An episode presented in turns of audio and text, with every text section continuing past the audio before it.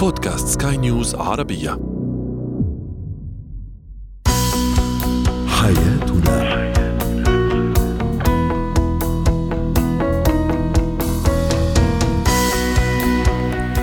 مستمعينا الكرام أهلا بكم معنا إلى برنامج حياتنا برنامجكم اليومي الذي يعنى بشؤون الأسرة وباقي الشؤون الحياتية الأخرى والذي يمكنكم الاستماع إليه عبر منصة سكاي نيوز dot com slash podcast وباقي منصات البودكاست الأخرى. معي أنا آمل شاب. نتحدث اليوم عن كيفية إدارة ميزانية البيت في سنة أولى زواج. ثم نتحدث عن التاخر العقلي والوجداني لدى الأطفال وكيفية التعامل معه. وأخيرا في فقرة الجمال تحديدا الموضة اليوم كيفية تنسيق الملابس الجلدية لإطلالات أنيقة وجذابة. هو وهي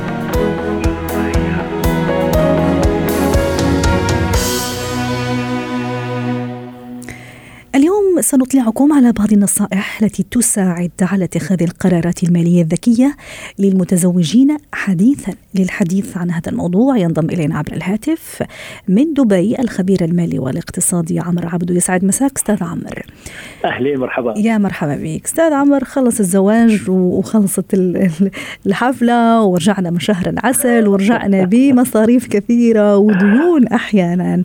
وأيضا أنا لما تزوجت ربما كشاب كنت أصرف فقط على نفسي وأيضا بالنسبة لبعض الفتيات. لكن فجأة لقينا حالنا تحت بيت واحد ومش قادرين ومش عارفين كيف نعمل ميزانية آه، تضمن لنا حياة سلسة وما فيهاش مشاكل مالية بين قوسين وبالتالي ما فيهاش مشاكل أخرى. نعم نعم. كيف أنا أضبط ميزانيتي أستاذ عمرو؟ بنصائح و... وطرق يعني ذكية تخليني أكون مرتاحة طيلة السنة في سنة أولى زواج. طيب اولا يعني قرار الزواج نفسه يعني كما الجميع يعلم إنه قرار يعني ما سهل قرار كبير جدا لأنه بيعني تضحيات كبيرة جدا من من من الجانبين لبعض. فلذلك يعني وله له يعني خصوصيه يعني خصوصية كبيرة جدا وأهمية. بالتالي من المفترض إن الزوج أو حديثي الزواج أن يكون لديهم خطة قبل حتى الدخول في آه، في في مشروع الزواج. قصدك الخ- الخطة المالية أستاذ عمرو نعم الخطة الخطة المالية و- و- وكمان أكثر من ذلك المصارحة المالية. أها آم، ممتاز. إحنا إحنا للأسف في العالم العربي ليس لدينا هذه الثقافة اللي هي إنه نتكلم في المال ونتكلم في الحالة المالية كثير ولكن يعني آه، ال- والدراسات وال- والإحصائيات تشير إلى إنه واحد من أهم آه، أو واحد من من أكبر الأسباب لفشل ال ال يعني لفشل الزواج.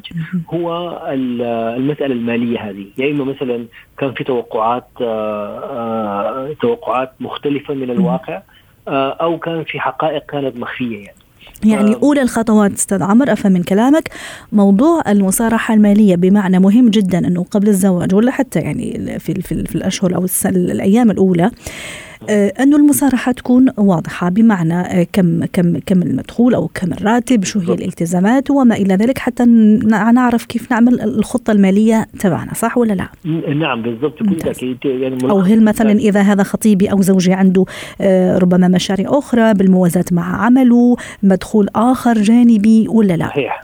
صحيح. أو مثلا ربما مثلا ال- ال- الخطيب مثلا أو الزوج كان لديه آه، شركة مثلا في الماضي وهذه الشركة غرقت في ديون وهو. ما زال مثقلا بهذه الديون. يعني لابد من لابد من كشف هذه الديون. أو أو الخطيبه أو الزوجة الحديثة كان لديها مثلا credit card debt في بطاقات الائتمان فلا بد من كشف هذا الشيء. أو أنت كما تفضلتي لو في دخل إضافي من جهة ما لابد برضه من حسبانه. طيب يعني صراحة مطلوبة وهي أساس ال- البداية المالية الجديدة خلينا نقول بين الزوجين. طيب صارحتوا نعم. وصارحني والأمور آه، يعني خلاص صارت مكشوفة بيناتنا. أعطينا كمان نعم. كذا خطة أستاذ عمر حتى آه، نكون يعني آه، في ال safe side مثل ما بيقول طيب طيب بعد الزواج آه، يعني واحدة من أهم الأشياء إنه بعد ما يتم حصر كل شيء. بعد كده لازم يكون في اتفاق إنه كيف سيتم الإنفاق على آه، بيت الزوجية هذا يعني أو الحياة الزوجية بشكل عام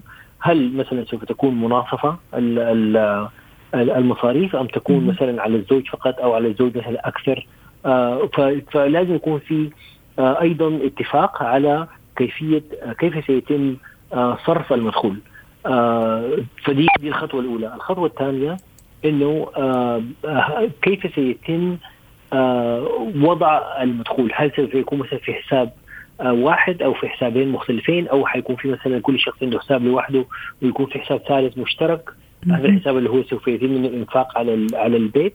هذه أيضا أشياء هي طبعا بسيطة لكن هي مهمة جدا صحيح. جدا لأنها بتوضح كل الأمور. صحيح. الشيء الشيء الثالث المهم جدا أكبر أكبر يعني أكبر ميزة لحديثي الزواج إنهم دائما بيكونوا صغار في السن وبالتالي لديهم عامل الوقت وهو أهم عامل في المستقبل المالي يعني. بمعنى أستاذ. بمعنى إنه لازم آه يبداوا يفكروا مبكرا آه في آه مثلا في أن يكون لديهم صندوق للتقاعد مثلا. فدي حاجة دائما بتكون بعيدة من من الشباب لأنه بيفتكروا إنه لا التقاعد لسه بعد 30 سنة 35 سنة. ولكن ال ال كل ما تم الاستثمار بشكل آه مبكر كل ما حصل ما يسمى بال compounded profit اللي هي إنه الأرباح الاستثمارية بتزيد بشكل مركب. آه وليس بشكل بشكل يعني خطي بسيط. ممتاز. فهذه مهمة جدا يعني انه إنه يكون في خطة استثمارية آه من البداية ويتفق الطرفان أيضا كم هم حيخصصوا من هذا المدخول المحدود في البداية الذي يأتي إليهم حتى لو إن شاء الله 100 دولار في رائع. في الشهر. رائع. نصائح جميلة. اذا الصراحة أول شيء أو المكاشفة.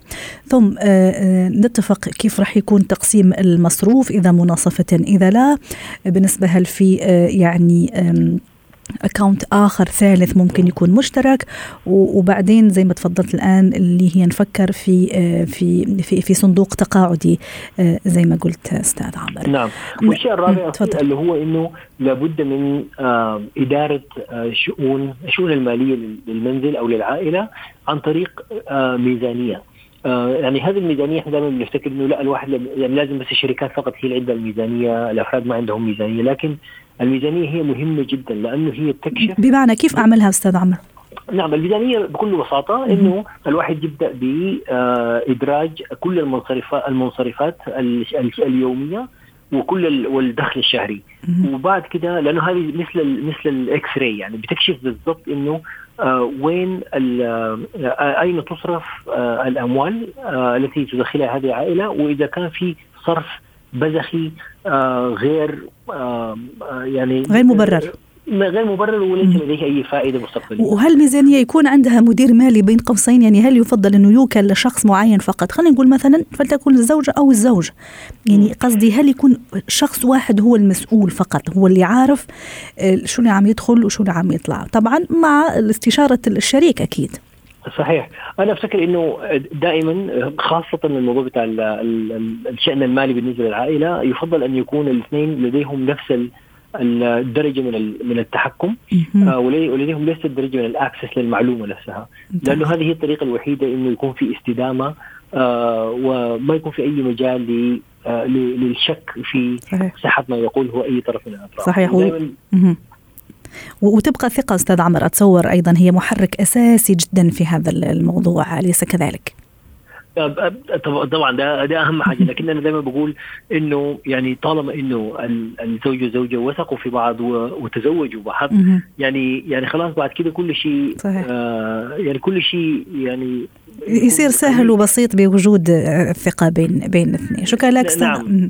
يعطيك العافية أستاذ عمر عبدو الخبير المالي والاقتصادي ضيفنا اليوم من دبي.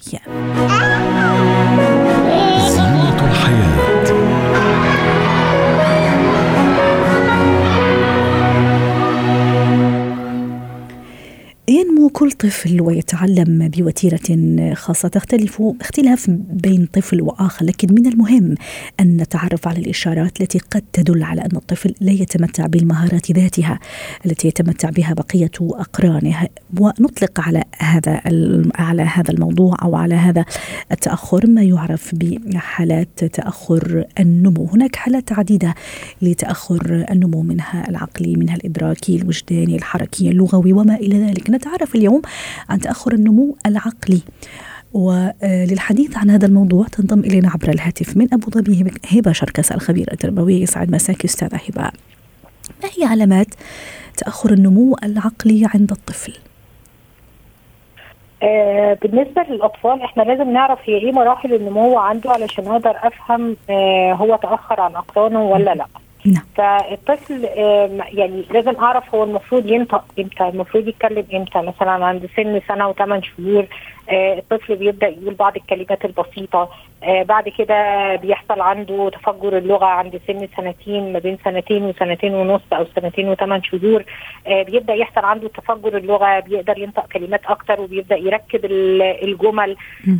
لو أنا ابني اتأخر عن النطق النطق من أهم العلامات ومن أهم المؤشرات اللي بتدل إن في مشكلة عند عند الطفل.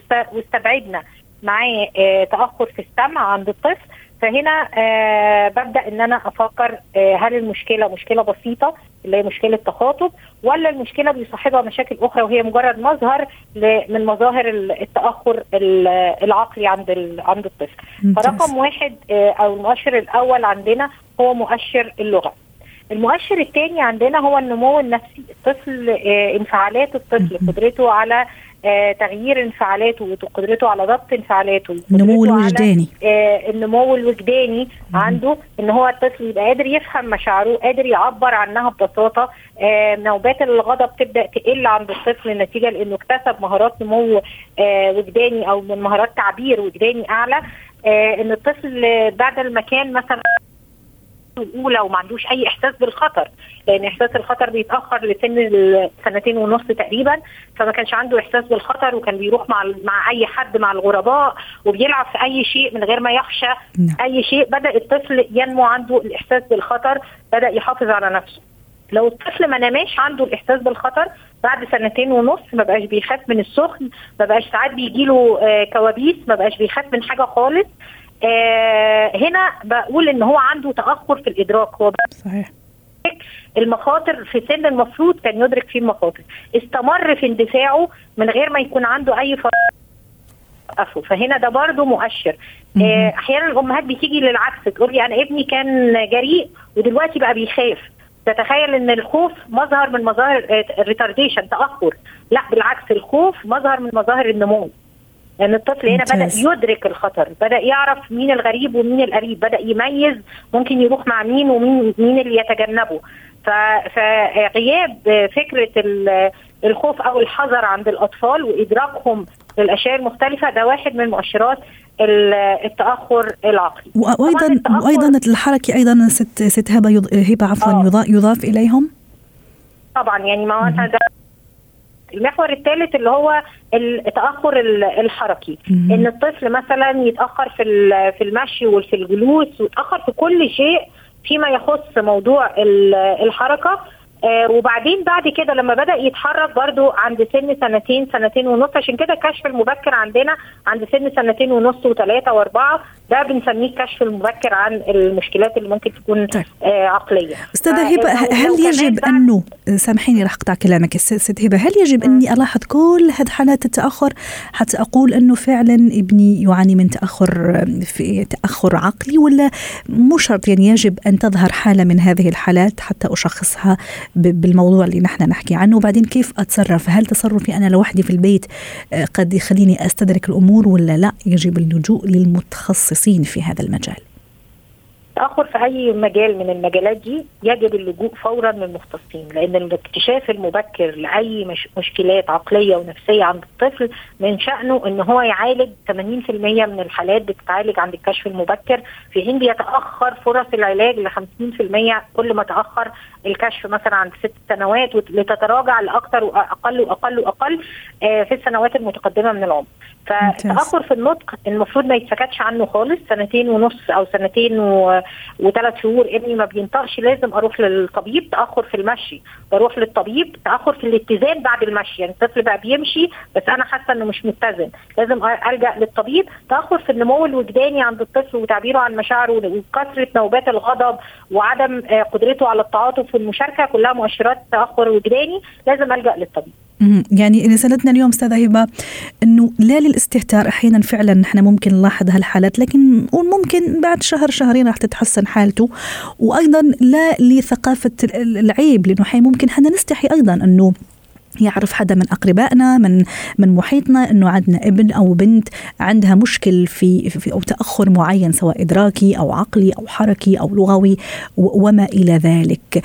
يعني أنا أيضا تفضلي. بالإضافة لأن أحيانا الأقران والأهل بيقول لك مثلا ابني بتاخر في الكلام أنا ابني مر بنفس التجربة صحيح. وبعد كده انطلق في الكلام أو تفجرت اللغة عنده عند سن ثلاث سنين. بس من سن سنتين ونص لسن ثلاث سنين أو ثلاث سنين ونص في الفترة دي قد إيه هو بقى عصبي؟ قد إيه بقى متوتر؟ قد إيه بقى عنده حاجات كتير كان عايز يقولها واتحرم من إن هو يقولها؟ فمش كل الت... وهل كل طفل عدى المرحلة له تفجر لغة عند سن ثلاثة ثلاث سنين وثلاث سنين ونص ولا البعض لا دخل في مشاكل عقلية ونفسية. مش مقياس. المختصين هم اللي يقولوا إذا كان التأخر ده في الليمت الطبيعي ولا مش في الليمت الطبيعي. نعم. شكرا لك أستاذة هبة شركس الخبيرة التربوية ضيفتنا من أبو ظبي. جمالك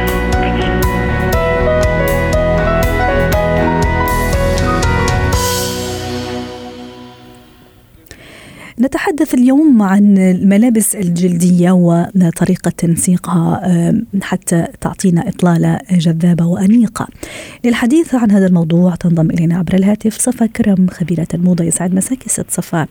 يمكن لاحظتي زينا جميعا أنه الموضة دارجة في في في شتاء وخريف في هذا الموسم اللي هي الملابس الجلدية سواء كانت يعني براقة ولا مش براقة. وأيضا على اختلاف ألوانها عم نشوف الأسود والبني البني والأخضر وما إلى ذلك. كيف أنسق بطريقة جميلة وجذابة؟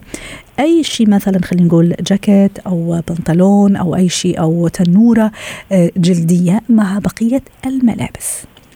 مساء الخير. طبعا مثل ما ذكرتي القطعة القطع المصنوعة من الجلد سواء كانت تنورة بنطلون أو حتى الجاكيت الجلد اللي إحنا متعودين عليه آه، جدا دارجة آه، واختيارها كان ممكن أنه يتنسق بطرق مختلفة على حسب الطلعة اللي رايحين لها. أما كإطلالة أنيقة دائما نخلي القطعة الجلد آه، هي ال statement piece يعني كل التركيز عليها. فننسق معها أشياء بسيطة. ممكن مثلا آه، مع بنطلون جلد ننسق top آه، لونه يكون بسيط جدا ونحط عليه بليزر وكعب. هاي إطلالة تناسب للشغل.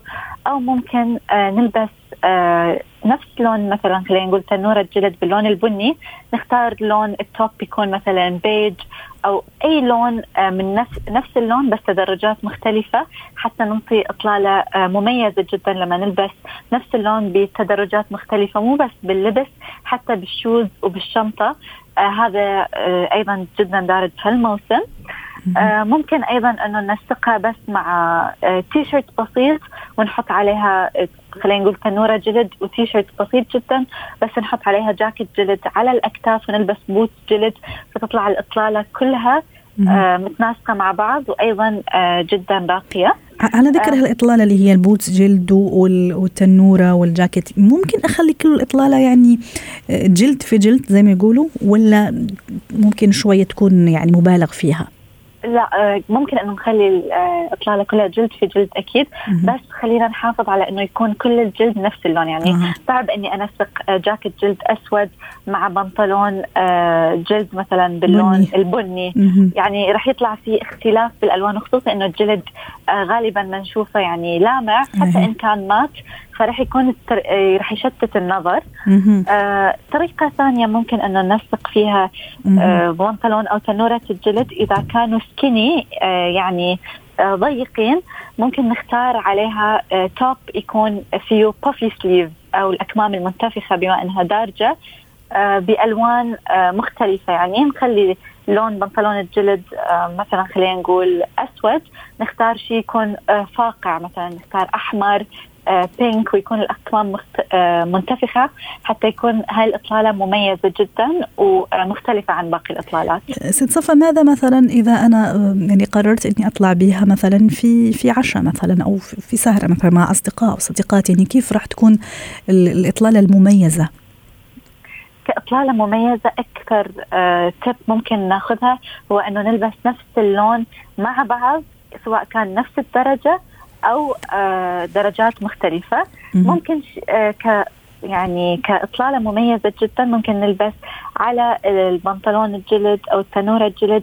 top يكون لامع بس تكون ألوانه متناسقة مع البنطلون عشان ما يكون إنه over فيكون مثلا metallic باللون الفضي ال rose gold الذهبي. على حسب إحنا آه، شو لابسين ك آه، كبنطلون يعني أو كتنورة. آه، بنفس الوقت نختار ال shoes بنفس لون ال top حتى يصير آه، مثل آه، في طبقات من الألوان وفي تساوي وتطلع الإطلالة متكاملة مع بعض. ودائما أكيد اختيار الإكسسوارات. ممكن أن نلبس كثير من الإكسسوارات نسوي layering آه نحط scarf حتى ونلبس coat آه coat حتى من الفرو جدا جدا آه حلو التناسق بين الجلد والفرو مع بعض. ونسوي كثير من ال layering سواء كان بالإكسسوار أو بال scarf. شكرا لك صفا كرم خبيرة الموضة. كنت معنا من دبي. ختام برنامج حياتنا. شكرا لكم وإلى اللقاء.